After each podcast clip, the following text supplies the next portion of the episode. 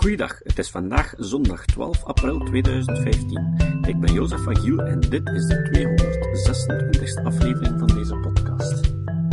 In aflevering 172 van deze podcast hoorden jullie al hoe Mark Lynas de ommezwaai maakte van Greenpeace-activist naar verdediger van de gentechnologie in het kader van een ecologisch verantwoorde landbouw. Maar ook bij ons zijn er steeds meer mensen die de ideologische dogma's van zich afwerpen en om hun ideaal van natuurbescherming effectiever te maken, de wetenschappelijke inzichten onderzoeken. Ook bij ons zie je beetje bij beetje dat inzicht groeien. Onlangs nog schreef Stijn Bruurs hierover in zijn blog, en wij mochten het inspreken. Ik weet het. Je las ook al het artikel over zijn blogpost in de Standaard. En je luisterde vorig weekend ook al naar Interne Keuken, waar Koen Filet en Sven Spijbroek hem hebben uitgenodigd en hij zijn verhaal deed. Maar wij hadden met Stijn Bruurs al afgesproken om zijn blog op de podcast te brengen voor deze mensen. Ik denk dat de Standaard en de VRT ons te vlug af wilden zijn, en aangezien zij niets anders te doen hebben, is het dan nog gelukt ook. Hoe dan ook, onze uitzending is de integrale tekst, en die horen jullie in twee afleveringen. Waarom de milieubeweging het GGO-dossier mag loslaten. Jarenlang heb ik actie gevoerd tegen genetisch gemanipuleerde organismen. Maar net zoals milieuactivisten, zoals Mark Lynas, en bezorgde wetenschappers, zoals Bill Nye, ben ik recent van mening veranderd. Al geruime tijd begaf ik me in kringen van rationeel-wetenschappelijke sceptici, die zich verzetten tegen allerlei vormen van pseudowetenschap, zoals alternatieve geneeswijzen, bijvoorbeeld homeopathie, complottheorieën, klimaatontkenning, aidsontkenning en het antivaccinatiegeloof. Het geloof dat vaccins slecht zijn voor de gezondheid. Af en toe hoorde ik van die wetenschappelijk ingestelde sceptici een kritiek op de houding van de milieubeweging tegenover GGO's. Dus besloot ik om me eens even in het onderwerp te verdiepen en te kijken welke argumenten die sceptici hebben. Ik besloot hetzelfde te doen als wat de milieubeweging doet in verband met de klimaatopwarming. Kijken of er een wetenschappelijke consensus bestaat die gebaseerd is op de meest betrouwbare wetenschappelijke studies, zoals systematische reviews en meta-analyses, gepubliceerd in toonaangevende, peer-reviewed topbladen zoals Nature and Science. Binnen een paar uur brokkelde mijn anti-GGO-houding volledig af. Het ene na het andere bezwaar tegen GGO dat ik ooit van de milieubeweging hoorde, werd weerlegd. En ik kwam tot het inzicht dat de strategie en de houding van de milieubeweging op het vlak van GGO's beangstigend sterk lijkt op de strategie en de houding van klimaatontkenners. Net de groep waar de milieubeweging zich zo sterk tegen verzet. De wetenschappelijke consensus. Door te kijken naar uitspraken van wetenschappelijke instellingen kunnen we al snel zien dat er een wetenschappelijke consensus is over de veiligheid en voordelen van GGO's op het vlak van gezondheid, milieu en sociale rechtvaardigheid. Volgens die consensus zijn er geen aanwijzingen dat een landbouw die gebruik maakt van de huidige commerciële GGO-gewassen en van potentiële gewassen in ontwikkeling, mits goed getest, schadelijker zou zijn dan een conventionele landbouw zonder GGO's en dat een landbouw met GGO's misschien wel voordelen kan bieden ten opzichte van conventionele landbouw. Wie gelooft dat GGO's onveilig zijn, moet dus ten strijde gaan tegen onder andere de American Association for the Advancement of Science, de American Medical Association, the United States National Academy of Sciences, the American Phytopathological Society, the American Society for Cell Biology, the American Society for Microbiology, the American Society of Plant Biologists, the Council for Agricultural Science and Technology, the French Academy of Science, the Union of German Academies of Science and Humanities, de Royal Society of London for the Improvement of Natural Knowledge, de International Council for Science en de World Health Organization. Tegen een dergelijke wetenschappelijke massa ingaan is te vergelijken met de klimaatontkenners die tegen het IPCC en vele andere wetenschappelijke instanties ingaan. De anti-GGO-argumenten weerlegt. Naast het lezen van de uitspraken van al die wetenschappelijke instanties was er nog een tweede element dat mijn anti-GGO-houding sterk onderuit haalde. Een paar recente grote review-studies. De eerste is een meta-analyse van 147 studies, gepubliceerd in het Public Library of Science, PLOS ONE. En de tweede is een review van wel 1783 studies. Hoe zit het dan met de bezwaren die de milieubeweging uit tegen GGO's? Geen hoger pesticidengebruik. Volgens de meta-analyse in PLOS ONE zouden GGO's het gebruik van chemische pesticiden met 37% hebben doen dalen. De daling is vooral te zien bij insectenresistente gewassen, BT-gewassen, die zelf een insectengif aanmaken. Bij herbiciden-tolerante GGO's, de Roundup-ready gewassen, is er geen statistisch significante daling van de hoeveelheid pesticiden, maar de herbicide glyfosaat in Roundup is minder schadelijk dan vele andere herbiciden die in de conventionele landbouw zonder GGO's gebruikt worden. Dus, in termen van giftigheid, volgens een Environmental Impact Quotient, is er waarschijnlijk wel een daling van pesticiden bij herbiciden-tolerante GGO's. Het is onwaarschijnlijk dat GGO-landbouw een hoger pesticidengebruik kent dan conventionele landbouw. Hoe zit het dan met de zogenaamde superonkruiden, die resistent worden tegen pesticiden? Zowel in de conventionele landbouw als in de GGO-landbouw zien we een stijgend gebruik van pesticiden, omdat er in beide vormen van landbouw ongewenste planten resistent worden. Er zijn geen goede aanwijzingen dat er in GGO-landbouw sneller en meer superonkruiden ontstaan dan in een conventionele landbouw. Reeds voor de komst van glyfosaat-tolerante GGO's ontstonden er kruiden die resistent zijn tegen glyfosaat. En in conventionele landbouw gebruikt men ook maïs die resistent is tegen de herbicide atrazine. Dus GGO's zijn niet de enige herbicide-tolerante gewassen. Hoewel er nog te weinig goede wetenschappelijke gegevens beschikbaar zijn, zijn er een paar aanwijzingen dat de stijging van opkomende superonkruiden en de stijging van herbicidengebruik bij GGO-landbouw ongeveer even groot is, of een tikkeltje lager, dan bij conventionele landbouw. Geen hogere impact op de biodiversiteit. Sommige overzichtsstudies vergelijken de impact op biodiversiteit, op het niveau van het gewas, de boerderij en het landschap, tussen GGO-landbouw en conventionele landbouw en komen tot de conclusie dat GGO's waarschijnlijk een lagere impact hebben op de biodiversiteit. Een meta-analyse in het topvakblad Science stelde vast dat er op velden met insectenresistente GGO's, BT-gewassen, meer onschadelijke ongewervelde diersoorten, bijvoorbeeld insecten en spinnen, zijn, dan op velden waar insectengif gesproeid wordt. De BT-GGO's maken zelf insectengif aan, dus voornamelijk de schadelijke insecten die van het gewas eten worden getroffen. Bij het sproeien van BT-insectengif worden veel meer insectensoorten getroffen, inclusief insecten die niet schadelijk zijn. Uit de studie blijkt dat de diversiteit van onschadelijke ongewervelden het hoogst is op landbouwgronden waar helemaal geen insectengif gebruikt wordt. Maar dat wil nog niet zeggen dat insecticidenvrije landbouw het beste is voor het milieu. Want vaak zijn de opbrengsten van een insecticidenvrije landbouw lager, waardoor er meer oppervlak nodig is voor dezelfde hoeveelheid voeding en er dus meer natuurgebied opgeofferd moet worden voor landbouw. En de biodiversiteit van akkerlandbouw is veel lager dan van natuurgebieden. Trouwens, de biologische landbouw is niet insecticidenvrij. In de biolandbouw mag er ook gesproeid worden met BT-insectengif.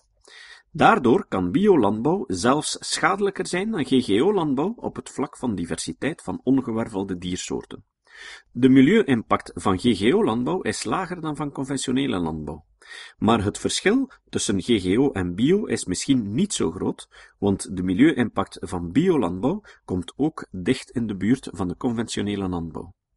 Hoewel er geen kunstmest en minder pesticiden worden gebruikt in de biolandbouw, heeft de biolandbouw meestal lagere opbrengsten, een lagere landgebruikefficiëntie, en heeft ze daardoor op veel vlakken een veel hogere milieu-impact. Meer ontbossing, CO2-uitstoot en eutrofiëring per kilogram product. Daarentegen hebben huidige GGO's een 22% hogere gewasopbrengst dan conventionele gewassen en dus een lager landgebruik. De drie redenen waarom de huidige GGO-landbouw beter is voor de biodiversiteit dan conventionele landbouw, die ook gebruik maakt van monoculturen en pesticiden, en soms beter is dan biolandbouw, zijn 1 het lagere pesticidengebruik en de lagere toxiciteit van de gebruikte pesticiden. 2. De hogere opbrengsten per hectare, waardoor er minder natuurgebied moet sneuvelen voor landbouw. En 3. De lagere mate van grondbewerking, ploegen. Herbicidentolerante gewassen laten toe om ongewenste planten te vermijden, zonder de bodem te moeten omploegen. Het omploegen van de bodem een gangbare praktijk in conventionele en biolandbouw is niet goed voor het milieu, want het leidt tot minder opslag van CO2 in de bodem, dus minder buffer tegen klimaatopwarming. Meer gebruik van brandstoffen voor werktuigen, meer bodemerosie, meer uitlogen van nutriënten en chemicaliën, dus meer eutrofiëring en giftige stoffen in rivieren, en meer verstoring van het bodemleven. We kunnen eigenlijk van geluk spreken dat onze veeteelt gebruik maakt van GGO's, want stel dat we evenveel veeteelt zouden hebben en evenveel veevoerders zouden invoeren van Zuid-Amerika, maar dat het conventionele gewassen zijn, dan zijn de opbrengsten van die gewassen lager, waardoor er nog meer wouden zouden sneuvelen voor veevoederplantages. Op die plantages zouden waarschijnlijk meer en schadelijkere herbiciden gebruikt worden, of er zou meer bodembewerking zijn, waardoor er meer brandstofgebruik is en meer schadelijke chemicaliën uitlogen en in de rivieren terechtkomen. Er meer bodemerosie is en er meer CO2 uit de bodem vrijkomt. Geen economische ravage voor arme boeren. Door GGO's zouden de winsten van boeren met 68% gestegen zijn. En vooral de arme boeren in de ontwikkelingslanden kennen de grootste winsten. Dat komt vooral door de hogere opbrengsten van GGO's in het zuiden. Sommige activisten, onder wie Vandana Shiva, beweren dat het gebruik van BT-katoen in India leidde tot een verhoogd aantal zelfdodingen bij arme boeren. Maar er zijn geen aanwijzingen dat GGO's op zich de oorzaak zijn van boerenzelfdoding in India. Het aantal zelfdodingen bij boeren is zelfs een heel klein beetje afgenomen na de komst van BT-katoen.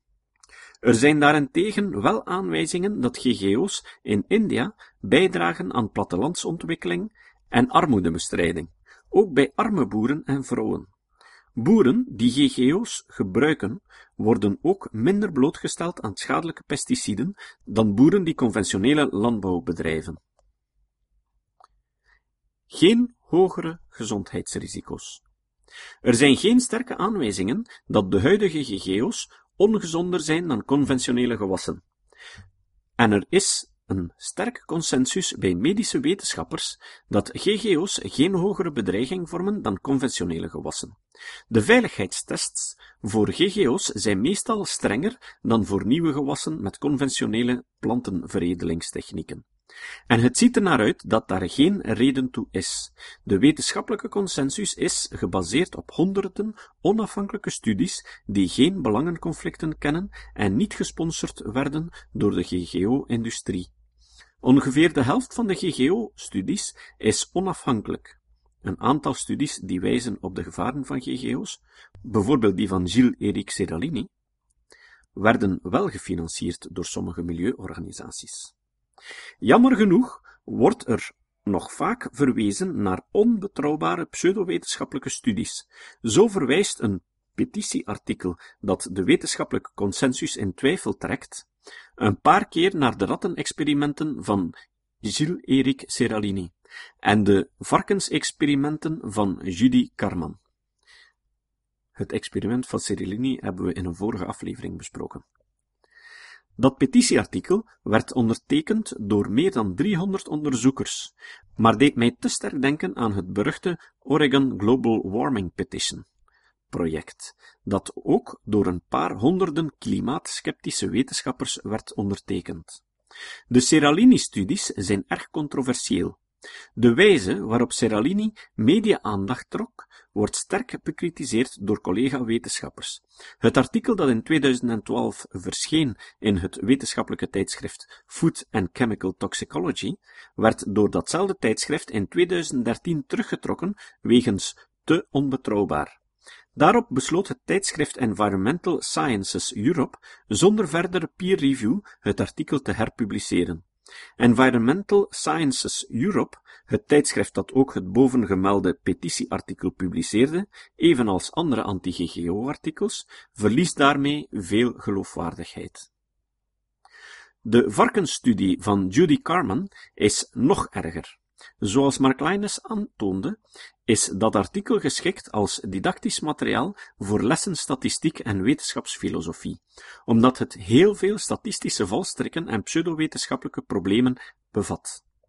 Dat artikel werd gepubliceerd in het Journal of Organic Systems, een tijdschrift dat aan onafhankelijkheid inboet omdat het gesponsord wordt door de Organic Federation of Australia. Het is schrijnend om vast te stellen dat vele milieuorganisaties verwijzen naar onbetrouwbare en onethische dierproeven om de gezondheid van GGO's in twijfel te trekken, en dat we ook bij hen strategieën zien die doen denken aan de pseudowetenschappelijke en misleidende strategieën van klimaatontkenners. Meer monopoliemacht van zaadmultinationals?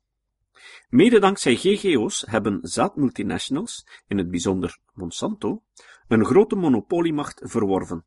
De vraag is of dat de schuld is van de GGO-technologie.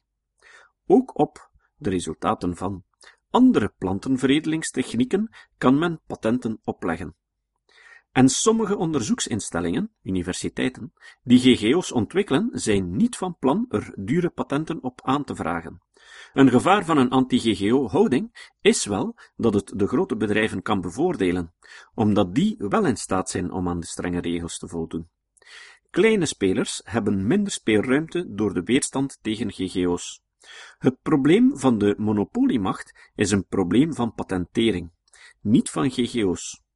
Net zoals bij medicijnen zijn er naast patenten nog alternatieve of complementaire prijsmechanismen mogelijk om onderzoek en ontwikkeling te bevorderen.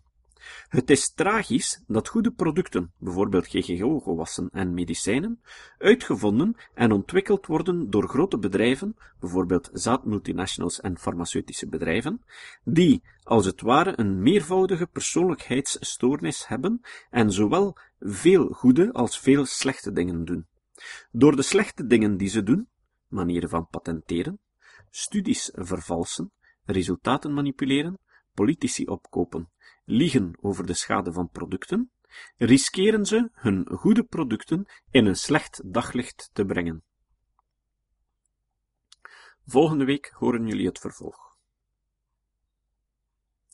Mededeling. Regelmatig krijg ik uitnodigingen op Facebook of LinkedIn om te vrienden of te linken van mensen waarvan ik vermoed dat ze luisteraars zijn. Hou er rekening mee dat, als we verder geen contact hadden, ik van uw bestaan niet afweet, en ik je dus onmogelijk kan onderscheiden van een gewone wildvreemde die dat vraagt. Neem het me dus niet kwalijk als ik hier niet op inga. Onze Facebookpagina Russell Stepot kan je natuurlijk altijd liken. Liefst zelfs. Het citaat.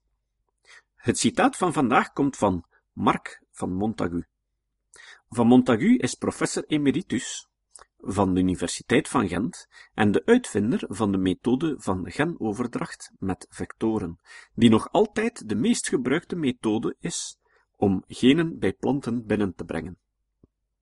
Van Montagu zei: Landbouwkundige uitdagingen zijn enorm. Maar als we de beste conventionele agro-ecologische en biotechnologische inzichten gebruiken, kunnen we de wereld blijven voorzien van plantaardige producten en dit op een duurzame manier. Tot de volgende keer. Deze podcast is het resultaat van het werk van veel mensen. Rick de Laat verbetert bijna al mijn teksten en maakt de meeste vertalingen. Emiel Dingemans verzorgt onze website en Facebookpagina. Ook Leon Korteweg en Stefan Sutens schrijven, vertalen of verbeteren soms artikelen. Leon onderhoudt bovendien het YouTube-kanaal van deze podcast. De muziek van de intro en de trailer heeft Nick Lucassen geschreven en soms maken we ook gebruik van muziek van Ad van Nederpelt, die ons zijn prachtige composities ter beschikking stelt. Dit was de podcast Kritisch Denken. Vergeet niet om alles kritisch te behandelen, ook deze podcast. Voor verdere informatie over deze podcast, links en voor de tekst, surf naar www.kritischdenken.info. Als je deze podcast belangrijk vindt, kun je me steunen door anderen warm te maken ook eens te luisteren. Stuur een e-mail naar vrienden met een link naar de website en plaats de link in de handtekening van je e-mails. Tevens kun je op iTunes deze podcast een beoordeling geven of een recensie schrijven. Of je kan op je eigen website of blog een link naar kritisch denken plaatsen.